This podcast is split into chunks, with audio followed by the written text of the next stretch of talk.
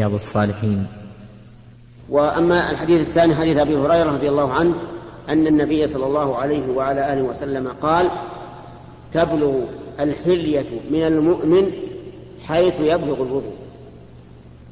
الحلية يوم القيامة يحلى بها الرجال, الرجال والنساء. يلبس الرجال والنساء حلية من ذهب وفضة ولؤلؤ. وحلوا أساور من فضة. يحلون فيها من أساور من ذهب ولؤلؤ. فهم يحلون بهذه الأنواع الثلاثة. يلبس الرجل والمرأة في الجنة حليا من هذه الأنواع الثلاثة. ذهب وفضة ولؤلؤ. ولا بد أن تكون مرصوفة على وجه يحصل به الجمال أكثر وأكثر. لأن التحلي بكل نوع من هذه لا شك أنه يكسب الإنسان جمالا. فإذا رصف بعضها إلى بعض ورتبت ترتيبا حسنا أعطت جمالا أكثر.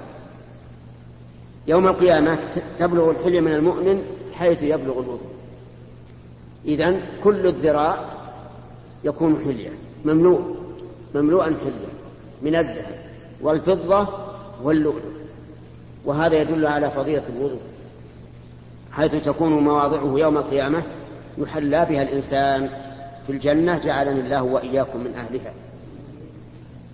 وأما الحديث الثالث حديث عثمان رضي الله عنه ففيه أن من من توضأ فأحسن الوضوء خرجت خطاياه.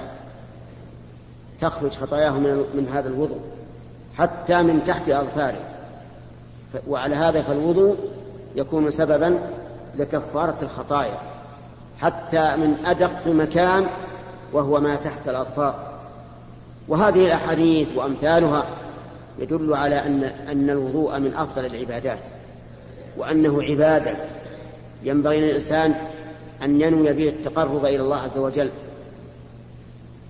يعني أن يستحضر وهو يتوضأ أنه يتقرب إلى الله كما أنه إذا صلى يستشعر بأنه يتقرب إلى الله فكذلك إذا توضأ. ويستشعر بأنه يمتثل أمر الله في قوله إذا قمتم إلى الصلاة فاغسلوا وجوهكم. ويستشعر أيضا أنه متبع لرسول الله صلى الله عليه وعلى آله وسلم في وضوئه. وكذلك أيضا يستحضر أنه يريد الثواب وأنه يثاب على هذا العمل حتى يتقنه ويحسنه. والله نقل المؤلف رحمه الله تعالى في سياق الأحاديث في باب فضل الوضوء. عن عثمان بن عفان رضي الله عنه قال رأيت رسول الله صلى الله عليه وسلم توضأ مثل وضوئي هذا ثم قال من توضأ هكذا من توضأ هكذا غفر له ما تقدم من ذنبه. وكانت صلاته ومشيه إلى المسجد نافلة رواه مسلم. وعن أبي هريرة رضي الله عنه أن رسول الله صلى الله عليه وسلم قال إذا توضأ العبد المسلم أو المؤمن فغسل وجهه خرج من وجهه كل خطيئة نظر إليها بعينيه مع الماء أو مع آخر قطر الماء فإذا غسل يديه خرج من يديه كل خطيئة كان بطشتها يداه مع الماء أو مع آخر قطر الماء. فإذا غسل رجليه خرجت كل خطيئة مشتها رجلاه مع الماء أو مع آخر أو مع آخر أو مع آخر قطر الماء حتى يخرج, حتى يخرج نقيا من الذنوب. رواه مسلم. في هذه الأحاديث التي ذكرها المؤلف رحمه الله في باب بيان فضل الوضوء. منها حديث عثمان بن عفان رضي الله عنه أنه توضأ فغسل كفيه ثلاثا وتمضمض واستنشق ثلاثا بثلاث غرفات وغسل وجهه ثلاثا وغسل يديه إلى المرفقين ثلاثا ومسح رأسه بيديه فأقبل بهما وأدبر ومسح أذنيه وغسل رجليه ثلاثا إلى الكعبين. قال النبي صلى الله عليه وعلى آله وسلم من توضأ نحو وضوء هذا ثم صلى ركعتين لا يحدث فيهما نفسه غفر الله له ما تقدم من ذنبه. وهذا شيء يسير ولله الحمد. أن الإنسان يعمل هذا العمل ثم يغفر ما تقدم من ذنبه. وأخذ العلماء من ذلك أنه يستحب لمن أسبغ الوضوء أن يصلي ركعتين وتسمى سنة الوضوء سواء في الصباح أو في المساء في الليل أو في النهار بعد الفجر أو بعد العصر لأنها سنة لها سبب. فإذا توضأ الإنسان نحو وضوء الرسول صلى الله عليه وعلى وسلم فإنه يصلي ركعتين ليغفر له ما تقدم من ذنبه. وفي هذا الحديث قال وكان مشيه إلى المسجد وصلاته نافلة. يعني نافلة يعني زائد على المغفرة الذنوب. وليس معنى نافلة يعني صلاة تطوع. قد تكون صلاة فريضة لكن نافلة يعني شيئا زائدا على مغفرة الذنوب. لأن ذنوبه غفرت بوضوئه وصلاته الأولى. فتكون هذه فيكون مشوا للمسجد وصلاته ولو فريضة نافلة أي زيادة. زيادة على مغفرة الذنوب لأن النفل في اللغة معناه الزيادة كما قال الله تبارك وتعالى ومن الليل فتهجد به نافلة لك. ثم ذكر المؤلف رحمه الله حديث أبي هريرة في أن الوضوء تخرج به الخطايا. إذا غسلت وجهك خرجت خطايا وجهك مع الماء أو مع آخر قطر الماء أو هنا للشك من الراوي وعلى كل حال فإن الإنسان إذا غسل وجهه خرجت خطايا وجهه. إذا غسل يديه خرجت خطايا يديه الذي كان بطش بها. وإذا غسل رجليه خرجت خطايا رجليه. حتى يخرج نقيا من الذنوب. ولله الحمد. فهذا دليل على فضيلة الوضوء. ولكن من منا يستحضر هذا الفضل؟ فهل يكتب هذا الفضل والأجر للإنسان سواء استحضره أم لا الظاهر إن شاء الله أنه يكتب له سواء استحضر أو لم يستحضر. لكن إذا استحضر فهو أكمل لأنه إذا استحضر هذا احتسب الأجر على الله عز وجل.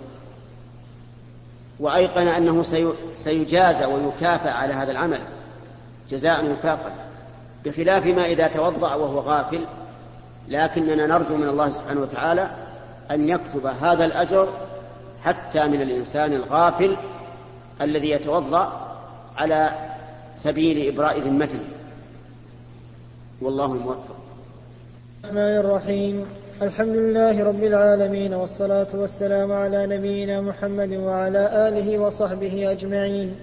نقل المؤلف رحمه الله تعالى في سياق الأحاديث في باب فضل الوضوء.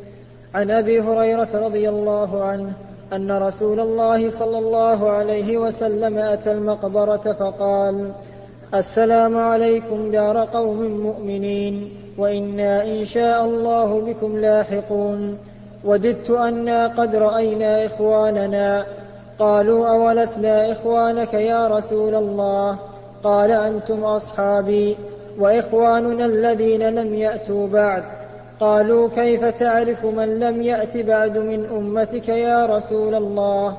فقال أرأيت لو أن رجلا له خيل غر محجلة بين ظهري خيل دهم بهم ألا يعرف خيله؟ قالوا بلى يا رسول الله. قال فإنهم يأتون فإنهم يأتون غرا محجلين من الوضوء وأنا فرطهم على الحوض رواه مسلم.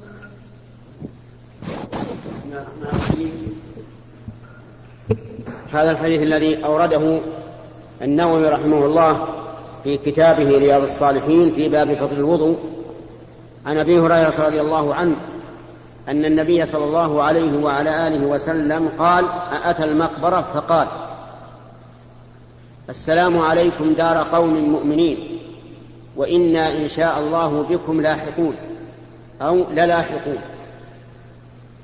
أتى كان النبي صلى الله عليه وسلم في أول الأمر نهى عن زيارة القبور لأن الناس حديث عهد بشرك فخشي أن تتعلق قلوبهم بالقبور وتفتتن بها فنهى عن الزيارة.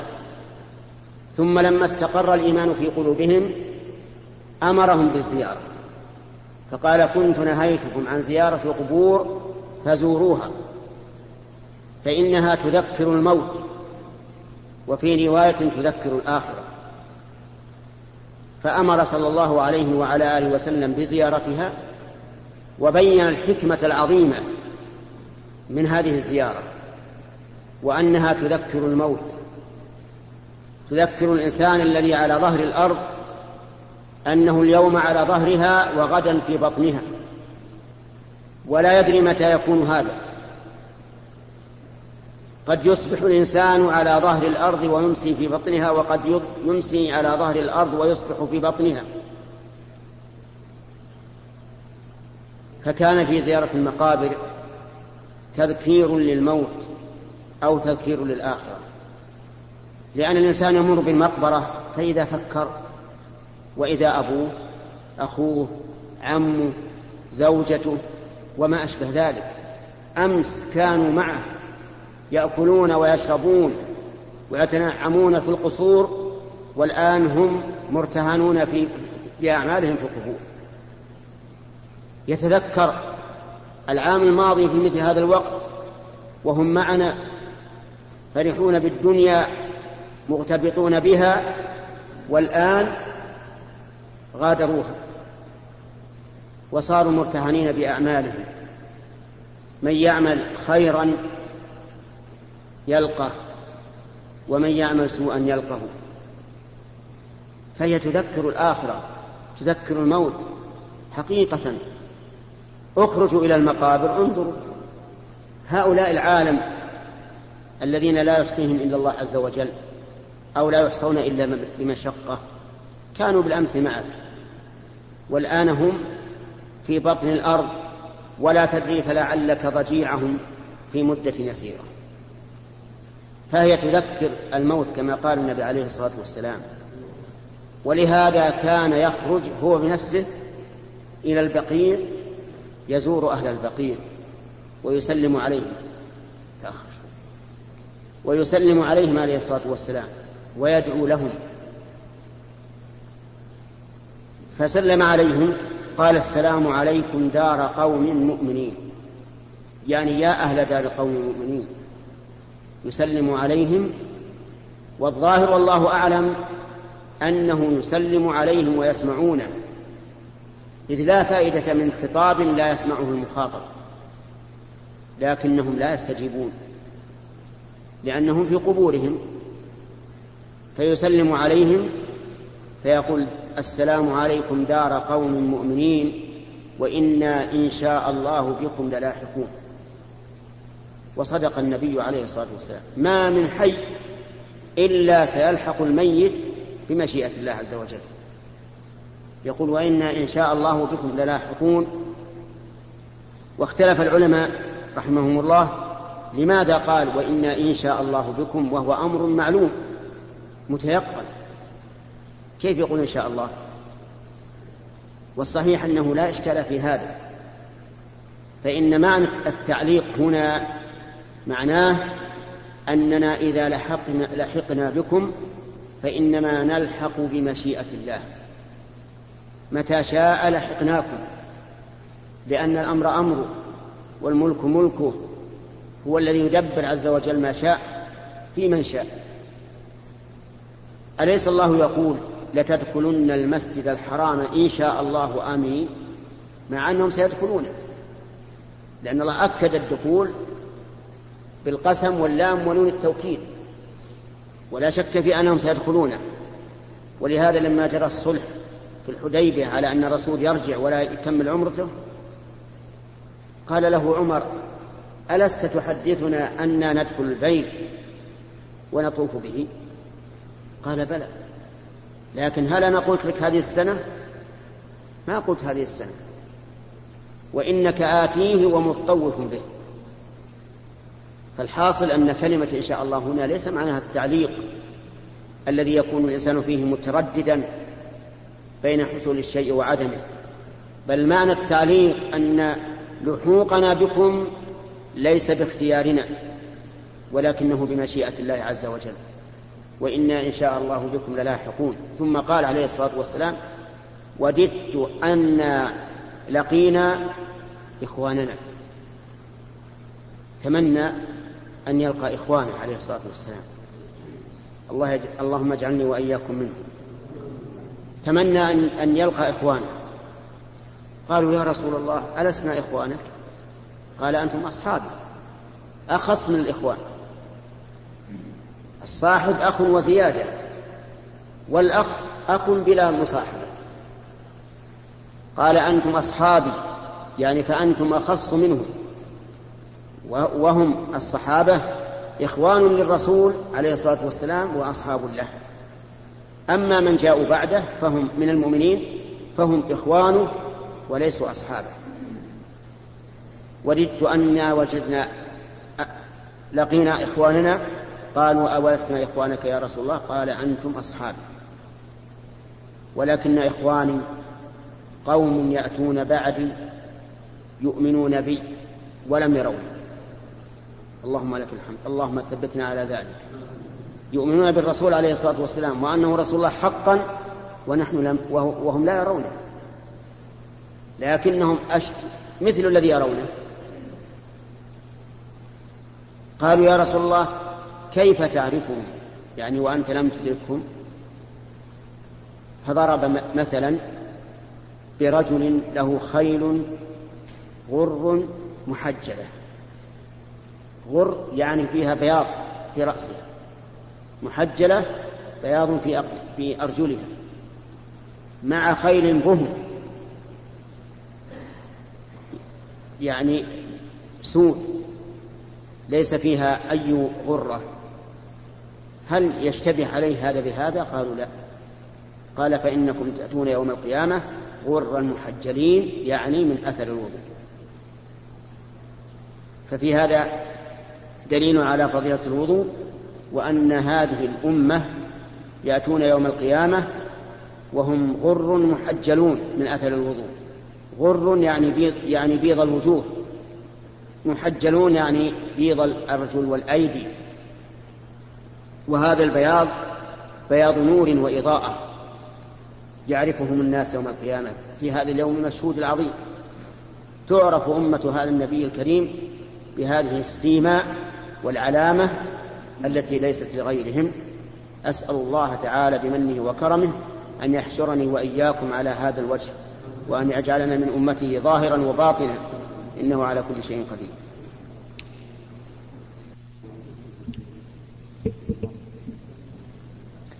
بسم الله الرحمن الرحيم. الحمد لله رب العالمين والصلاة والسلام على نبينا محمد وعلى آله وصحبه أجمعين. نقل المؤلف رحمه الله تعالى في سياق الأحاديث في باب فضل الوضوء. عن أبي هريرة رضي الله عنه أن رسول الله صلى الله عليه وسلم قال ألا أدلكم على ما يمحو الله به الخطايا ويرفع به الدرجات؟ قالوا بلى يا رسول الله. قال إسباغ الوضوء على المكاره وكثرة الخطى إلى المساجد وانتظار الصلاة بعد الصلاة فذلكم الرباط فذلكم الرباط رواه مسلم. وعن أبي مالك الأشعري رضي الله عنه قال قال رسول الله صلى الله عليه وسلم الطهور شطر الإيمان رواه مسلم. وعن عمر بن الخطاب رضي الله عنه عن النبي صلى الله عليه وسلم قال ما منكم من أحد يتوضأ فيبلغ أو فيسبغ الوضوء. ما منكم من أحد فيبلغ ما منكم من أحد يتوضأ فيبلغ أو فيسبغ الوضوء. ثم قال أشهد أن لا إله إلا الله وحده لا شريك له وأشهد أن محمدا عبده ورسوله. إلا فتحت له أبواب الجنة الثمانية يدخل من أيها شاء. رواه مسلم وزاد الترمذي. اللهم اجعلني من التوابين واجعلني من المتطهرين. بسم الله الرحمن الرحيم. هذه الأحاديث في بيان فضل الوضوء. وقد سبق أحاديث في هذا المعنى. وتكلمنا على زيارة القبور التي ذكرها المؤلف رحمه الله وبينا أن فيها فائدة عظيمة وهي تذكير الإنسان الموت أو الآخرة. وليعلم أن زيارة القبور لا تحل للنساء فلا يجوز للمرأة أن تزور المقبرة لأن النبي صلى الله عليه وعلى آله وسلم لعن زائرات القبور. والمتخذين عليها المساجد والسرج لأن المرأة ولأن المرأة ضعيفة لا تتحمل فربما تنوح وتبكي وتلطم ولأن المقابر في الغالب تكون خالية من الناس فيخشى إذا خرجت المرأة إليها أن يتبعها السفهاء والسفل من الناس ويحصل بذلك المحذور والفتنة. لهذا لعن النبي صلى الله عليه وسلم زائرات القبور.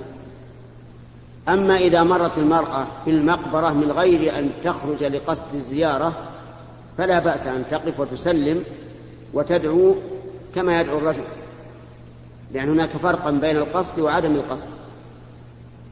ثم ليعلم أيضا أن أصحاب القبور مهما بلغوا من العمل الصالح والتقى لا يملكون لأنفسهم نفعا ولا ضرا ولا يملكون لغيرهم نفعا ولا ضرا ولهذا هم يدعى لهم ولا يدعون.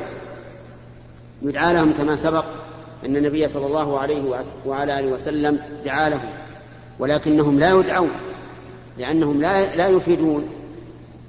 قال وقد قال الله عز وجل ومن أضل ممن يدعو من دون الله من لا يستجيب له إلى يوم القيامة وهم عن دعائهم غافلون وإذا حشر الناس كانوا لهم أعداء وكانوا بعبادتهم كافرين. وقال تعالى والذين تدعون من دون والذين يدعون من دون الله ما يملكون من قطمير. إن تدعوهم لا يسمعوا دعاءكم ولو سمعوا ما استجابوا لكم. ويوم القيامة يكفرون بشرككم ولا ينبئك مثل خبير. أما ما ذكره رحمه الله, رحمه الله من الأحاديث الباقية فهو حديث أبي هريرة رضي الله عنه أن النبي صلى الله عليه وعلى آله وسلم قال ألا أنبئكم أو ألا أخبركم بما يمحو الله به الخطايا ويرفع به الدرجات. وإنما ساق الحديث عليه الصلاة والسلام على سبيل الاستفهام من أجل أن ينتبه السامع لما يلقى إليه لأن الأمر مهم فقال ألا أنبئكم بما يمحو الله به الخطايا ويرفع به الدرجات؟ قالوا بلى يا رسول الله. نبئنا.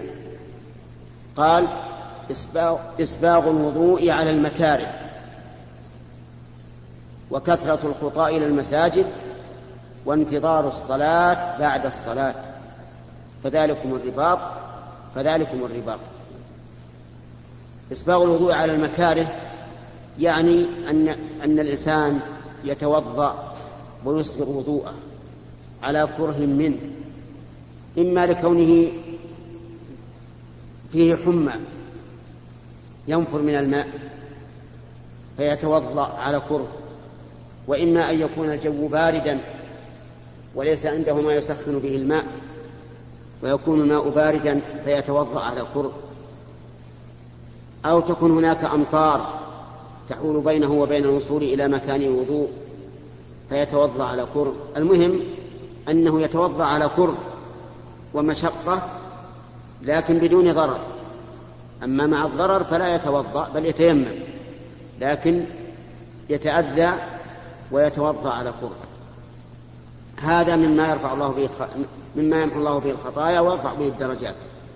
ولكن هذا لا يعني أن الإنسان يتقصد ويذهب يتوضأ بالبارد ويترك الساخن أو يكون عنده ما يسخن به ويقول أنا لا لا أسخن أريد أن أتوضأ بالماء البارد لأنال هذا. هذا غير مشروع. لأن الله يقول ما يفعل الله بعذابكم إن شكرتم وآمنتم. ورأى النبي صلى الله عليه وسلم رجلا واقفا في الشمس. قال قال ما هذا؟ قالوا نذر أن يقف في الشمس. فنهاه عن ذلك. وأمره أن يستظل. فالإنسان ليس مأمورا ولا مندوبا إلى أن يفعل ما يشق عليه ويضره. بل كلما سهلت عليه العبادة فهو أفضل. لكن إذا كان لابد من من الأذى والكره فإنه يؤجر على ذلك. لأن هذا بغير اختياره. كذلك كثرة الخطى إلى المساجد. فيه دليل على أن الجماعة تكون في المسجد ولا تكون في البيت وأن الإنسان إذا كثرت خطاه إلى المساجد فإنه يؤجر ويرفع الله به الدرج له الدرجات ويمحو عنه الخطيئات.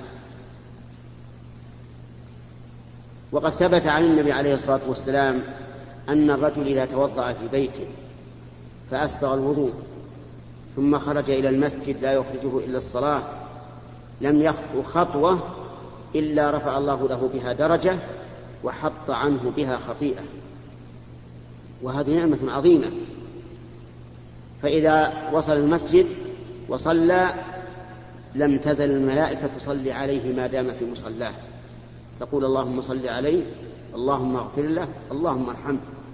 ولا يزال في صلاة ما انتظر الصلاة. وكثرة الخطى يعني معناه أن يأتي الإنسان إلى المسجد ولو من بعد. وليس المعنى أن أن يتقصد الطريق البعيد أو المعنى أن يقارب الخطأ.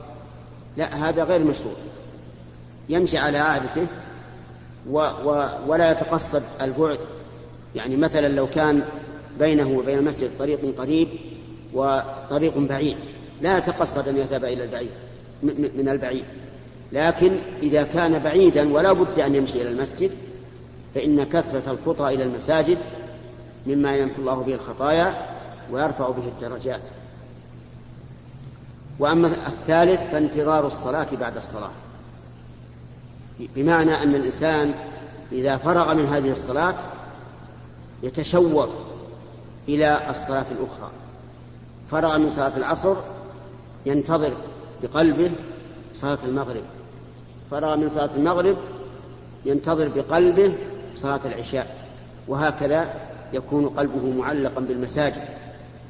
كلما فرغ من صلاة إذا هو ينتظر الصلاة الأخرى. هذا أيضا مما يمحو الله به الخطايا ويرفع به الدرجات. قال فذلكم الرباط فذلكم الرباط. يعني المرابطة على الخير. وهو داخل في قوله تعالى يا أيها الذين آمنوا اصبروا وصابروا ورابطوا واتقوا الله لعلكم تفلحون. ثم ذكر المؤلف حديث أبي مالك الأشعري رضي الله عنه أن النبي صلى الله عليه وعلى آله وسلم قال الطهور شطر الإيمان. الطهور شطر الإيمان. يشمل طهور الماء وطهور التيمم وطهارة القلب من الشرك من الشرك والشك والغل والحقد على المسلمين وغير ذلك مما يجب التطهر منه. فهو يشمل الطهارة الحسية والطهارة المعنوية. شطر الإيمان نصفه والنصف الثاني هو التحلي في الأخلاق الفاضلة والأعمال الصالحة. لأن كل شيء لا يتم إلا بتنقيته من الشوائب وتكميله بالفضائل. فالتكميل بالفضائل نصف والتنقية من الرذائل نصف آخر. ولهذا قال الطهور شطر الإيمان وأما شطره الثاني فهو التكميل بالأخلاق الفاضلة والأعمال الصالحة. ثم ذكر المؤلف آخر ما ختم به الباب حديث عمر بن الخطاب رضي الله عنه أن الرجل إذا أسبغ الوضوء ثم قال أشهد أن لا إله إلا الله وأشهد أن محمدا عبده أشهد أن لا إله إلا الله وحده لا شريك له وأشهد أن محمدا عبده ورسوله فإنها تفتح له أبواب الجنة الثمانية يدخل من أيها شاء. وكذا وزاد الترمذي رحمه الله اللهم اجعلني من التوابين واجعلني من المتطهرين. هذه حديث في فضائل الوضوء والمؤلف لم يستوعب كل حديث ورد في ذلك لكن لو لم يكن من فضائله إلا حديث واحد لكفى به دعوة إلى الوضوء وإحسانه وأسباغه وفق الله الجميع لما فيه الخير والصلاح. ولا قوة إلا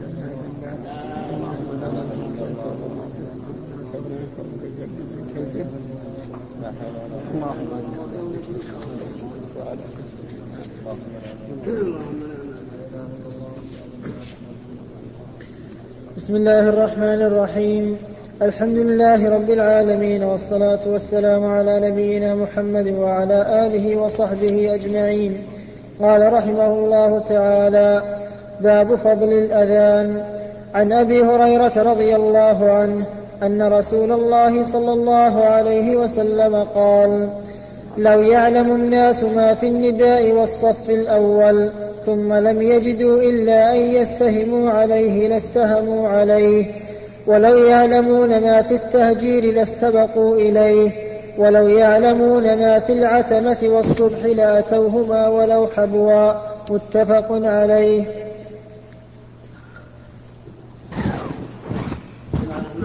قال المؤلف رحمه الله تعالى في كتابه رياض الصالحين باب الأذان. يعني في فضله وما ورد فيه.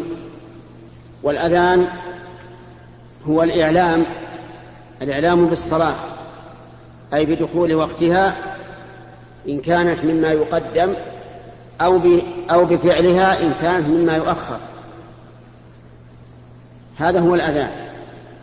يعني ينادي الإنسان فيعلم الناس بأن الوقت قد دخل في صلاة المغرب وفي صلاة الفجر وفي صلاة العصر وفي صلاة الظهر إلا أن يبردوا بها فالأذان عند حلول فعلها. وكذلك في أذان العشاء إذا أعتموا بها وأخروها فالأذان كذلك يؤخر. وإلا فإنه يؤذن عند دخول الوقت لقول النبي صلى الله عليه وعلى آله وسلم إذا حضرت الصلاة فليؤذن لكم أحدكم. والأذان المشروع هو الذي يؤذن للصلوات الخمس. وفرض في السنة الثانية من الهجرة بعد أن هاجر النبي صلى الله عليه وعلى آله وسلم إلى المدينة شرع الأذان. واختلف الصحابة حين تشاوروا كيف يعلم بدخول وقت الصلاة فقال بعضهم نوقد نارا نارا عظيمة يعرف الناس أن الوقت قد دخل. وقال بعضهم بل نضرب بالناقوس. الناقوس الذي يشبه الجرس وهو الذي ينادي به النصارى لصلواتهم وقال آخرون بل ننفخ بالبوق كما يفعل اليهود. وكل هذا كرهه النبي عليه الصلاة والسلام. فرأى رجل من الصحابة وهو عبد الله بن زيد رأى رجلا في المنام. وفي يده ناقوس. قال له أتبيع هذا؟ قال وماذا تصنع به؟ قال أعلم به للصلاة. قال أفلا أدلك على خير من ذلك؟ قال بلى. فقرأ عليه الأذان. وقرأ عليه الإقامة. فلما أصبح غدا إلى النبي صلى الله عليه وعلى آله وسلم وأخبره بالخبر. فقال النبي صلى الله عليه وعلى آله وسلم إنها لرؤيا حق. ثم علمه بلالا فأذن به. بهذا الأذان المعروف. ولما كان في زمن عثمان بن عفان رضي الله عنه وكثر الناس جعل أذانا أول للجمعة قبل الأذان الثاني الذي الذي هو عند حضور الإمام. فكان في, في يوم الجمعة أذانان أذان أول وأذان ثاني. وفي رمضان أمر النبي صلى الله عليه وسلم بلال أن يؤذن في آخر الليل. إذا قرب وقت وقت السحور أمره أن يؤذن. وقال إن بلالا يؤذن بليل ليوقظ نائمكم ويرجع قائمكم فكلوا واشربوا حتى تسمعوا أذان ابن أم مكتوم فإنه لا يؤذن لا فإنه لا يؤذن حتى يطلع الفجر. فصار عندنا الفجر لها أذان أول ولكن ليس لها بل لأجل الإعلام بأن وقت السحور قد حل والجمعة لها أذان أول من سنة عثمان بن عفان رضي الله عنه وهو أحد الخلفاء الراشدين الذين أمرنا باتباع سنته. قال بعض المتحذلقين الذين يدعون أنهم سلفيون سنيون قالوا إن أذان الجمعة الأول لا نقبله لأنه بدعة لم يكن على عهد النبي صلى الله عليه وعلى آله وسلم. وهذا القول منهم قدح بالنبي عليه الصلاة والسلام. وقدح بالخلفاء الراشدين. وقدح بالصحابة رضي الله عنهم. فالمساكين هؤلاء وصلوا إلى هذا الحد, الحد من حيث لا يعلمون. أما كونه قدحا بالرسول عليه الصلاة والسلام فلأن النبي صلى الله عليه وعلى آله وسلم قال عليكم بسنتي وسنة الخلفاء الراشدين المهديين من بعد. وبإجماع المسلمين أن عثمان من الخلفاء الراشدين رضي الله عنه. وأما كونه قدحا بالخلفاء الراشدين فهو قدح في عثمان رضي الله عنه وهو من الخلفاء الراشدين. والقادح في واحد منهم قادح في الجميع كما أن المكذب للرسول الواحد مكذب لجميع الرسل. وأما كونه قدحا بالصحابة فلأن الصحابة لم ينكروا على عثمان. رضي الله عنه مع أنه لو أخطأ لأنكروا عليه كما أنكروا عليه الإتمام في منى في الحج. لكن في آذان الجمعة الأول لم ينكروا عليه. فهل هؤلاء المتحذلقون الخالفون أعلم بشريعة الله وبمقاصد الشريعة من الصحابة؟ لكن صدق رسول الله أن آخر هذه الأمة يلعن أولها. والعياذ بالله ويقدح فيه. فأذان الأول للجمعة أذان شرعي بإشارة النبي صلى الله عليه وسلم وبسنة أمير المؤمنين عثمان رضي الله عنه وبإجماع الصحابة الإجماع السكوتي. ولا عذر لأحد. وقطع الله لسان من يعترض على خلفائنا خلفاء هذه الأمة الراشدين وعلى الصحابة. قد يقول قائل لماذا لم يشرعه الرسول عليه الصلاة والسلام والجمعة موجودة في عهده؟ والجواب أن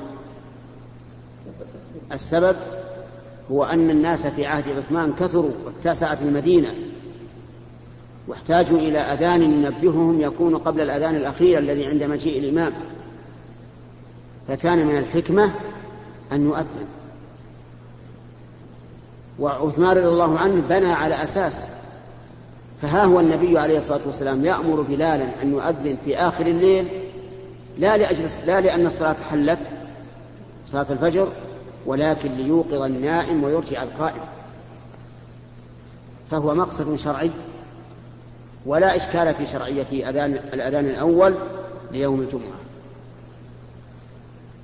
إذن فالأذان الأول ليوم الجمعة مشروع بسنة الخلفاء الراشدين وإيماء وإيماء سيد المرسلين محمد صلى الله عليه وسلم وإجماع الصحابة الذين أدركوا هذا.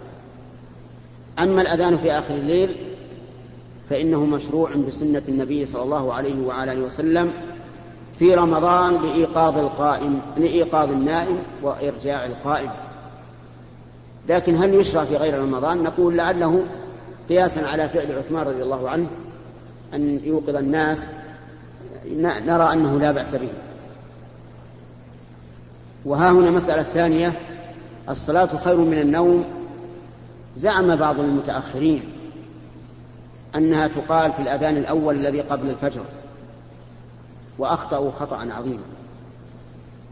لأن النبي صلى الله عليه وسلم أمر أن بلالا أن يقول الصلاة خير من النوم في أذان الفجر. قال إذا أذنت الأول لصلاة الصبح فقل الصلاة خير من النوم. ومعلوم أن الأذان للصلاة لا يكون إلا بعد دخول وقتها. لقول النبي صلى الله عليه وسلم إذا حضرت الصلاة فليؤذن لكم أحدكم. وسمي أذان الأول باعتبار الإقامة لأن الإقامة أذان ثاني كما قال النبي صلى الله عليه وسلم بين كل أذانين صلاة. وصح في صحيح مسلم وجاء في صحيح مسلم رضي الله رحمه الله من حديث عائشة رضي الله عنها قالت فإذا أذن الأول للفجر يعني قام يعني النبي صلى الله عليه وسلم حتى يأتيه المؤذن فيؤذنه لصلاة الفجر. وهذا صريح في أن أذان الفجر الأول هو ما يكون بعد دخول الوقت. وأما آخر الليل وأما الأذان آخر الليل فليس أذانا للفجر بل هو أذان للنائمين ليقوموا وللقائمين ليرجعوا ويتسحروا إذا كان ذلك في وقت الصوم.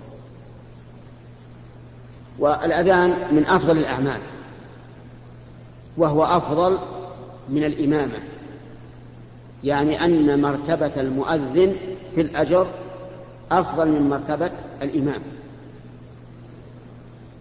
لأن المؤذن يعلن بتعظيم الله وتوحيد الله والشهادة للرسول بالرسالة وكذلك أيضا يدعو الناس إلى الصلاة وإلى الفلاح في اليوم والليلة خمس مرات أو أكثر والإمام لا يحصل منه ذلك. والمؤذن لا يسمع صوته شجر ولا حجر ولا مدر إلا شهد له يوم القيامة. ولهذا كانت كانت الأذان مرتبته في الشرع أعلى من مرتبة الإمامة. فإن قال قائل إذا كان كذلك لماذا لم يكن الرسول صلى الله عليه وسلم يؤذن ولا الخلفاء الراشدون؟ أجاب العلماء عن هذا بأن النبي صلى الله عليه وعلى آله وسلم والخلفاء الراشدين كانوا مشغولين بمصالح العباد لأنهم خلفاء أئمة يدبرون الأمة. والأذان في عهد الرسول عليه الصلاة والسلام ليس كالأذان في وقته الآن إذا أراد الإنسان يؤذن ليس عليه إلا أن ينظر إلى الساعة ويعرف أن الوقت حل أو لم يحل. لكن في عهد الرسول صلى الله عليه وسلم يراقبون يراقبون الشمس ويتابعون الظل حتى يعرفوا أن الشمس قد زالت. ثم كذلك أيضا يراقبون حتى يعرفوا أنها غربت. ثم يراقبون الشفق. ثم يراقبون الفجر. ففيه صعوبة. صعوبة عظيمة. لذلك كان النبي صلى الله عليه وسلم والخلفاء الراشدون لا يتولون الأذان لا لأن فضله أقل من الإمامة ولكن لأنهم مسؤولون بما هم فيه عن الأذان. وقد بين النبي صلى الله عليه وعلى آله وسلم فضيلته بأن الناس لو يعلمون ما فيه ما في النداء ثم لم يجدوا إلا أن يستهموا عليه لاستهموا. سبحان الله. تعرفون معنى هذا؟ يعني لو يعلم الناس ما في النداء من الفضل والأجر لكانوا يطلقون درع. أيهم الذي يؤذن؟ بينما الناس الآن مع الأسف يتدافعون. إذن يا فلان إذن يا فلان. إذن قالوا أنا ما صوتي مو بجيد يمكن صوتي يسمع اللي عنده ما ما راح يأذن الناس بعيدين. لكن الشيطان يثبطهم عن فعل الخير. وها هو النبي عليه الصلاة والسلام يقول لو لم يجدوا إلا أن يستهموا عليه يعني يطلقون قرع أيهم اللي يؤذن. لاستهموا فينبغي لك إذا كنت في رحلة أن تحرص على أن تكون أنت المؤذن. لكن معلوم أن الرحلة لها أمير. الرحلة سواء سفر أو نزهة لا بد أن يكون هناك أمير. فإذا رتب الأمير شخصا قال أنت يا فلان المؤذن فليس لأحد أن يتقدم ويؤذن. لأنه صار مؤذنا راتبا. وكذلك إذا قال أنت الإمام لأحدهم صار هو الإمام ولا أحد يتقدم عليه. لقول النبي صلى الله عليه وعلى آله وسلم لا يؤمن الرجل الرجل في سلطانه إلا بإذنه. وفق الله جميعا لما فيه الخير والصلاح. نقل المؤلف رحمه الله تعالى في سياق الأحاديث في باب فضل الأذان. عن معاوية رضي الله عنه قال سمعت رسول الله صلى الله عليه وسلم يقول المؤذنون أطول الناس أعناقا يوم القيامة رواه مسلم.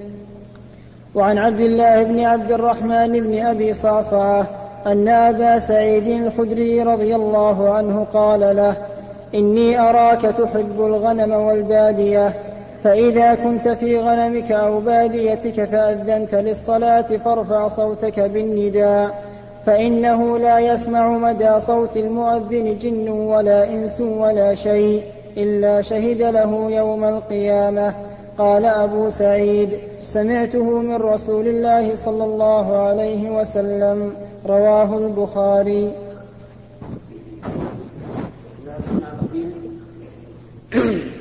هذان حديثان ساقهما المؤلف رحمه الله في رياض الصالحين في باب فضل الأذان عن معاوية رضي الله عنه أن النبي صلى الله عليه وعلى آله وسلم قال المؤذنون أطول الناس أعناقا يوم القيامة. إذا بعث الناس فإن المؤذنين يكون, يكون لهم ميزة ليست لغيرهم وهم أنهم أطول الناس أعناقا فيعرفون بذلك تنويها بفضلهم وإظهارا لشرفهم.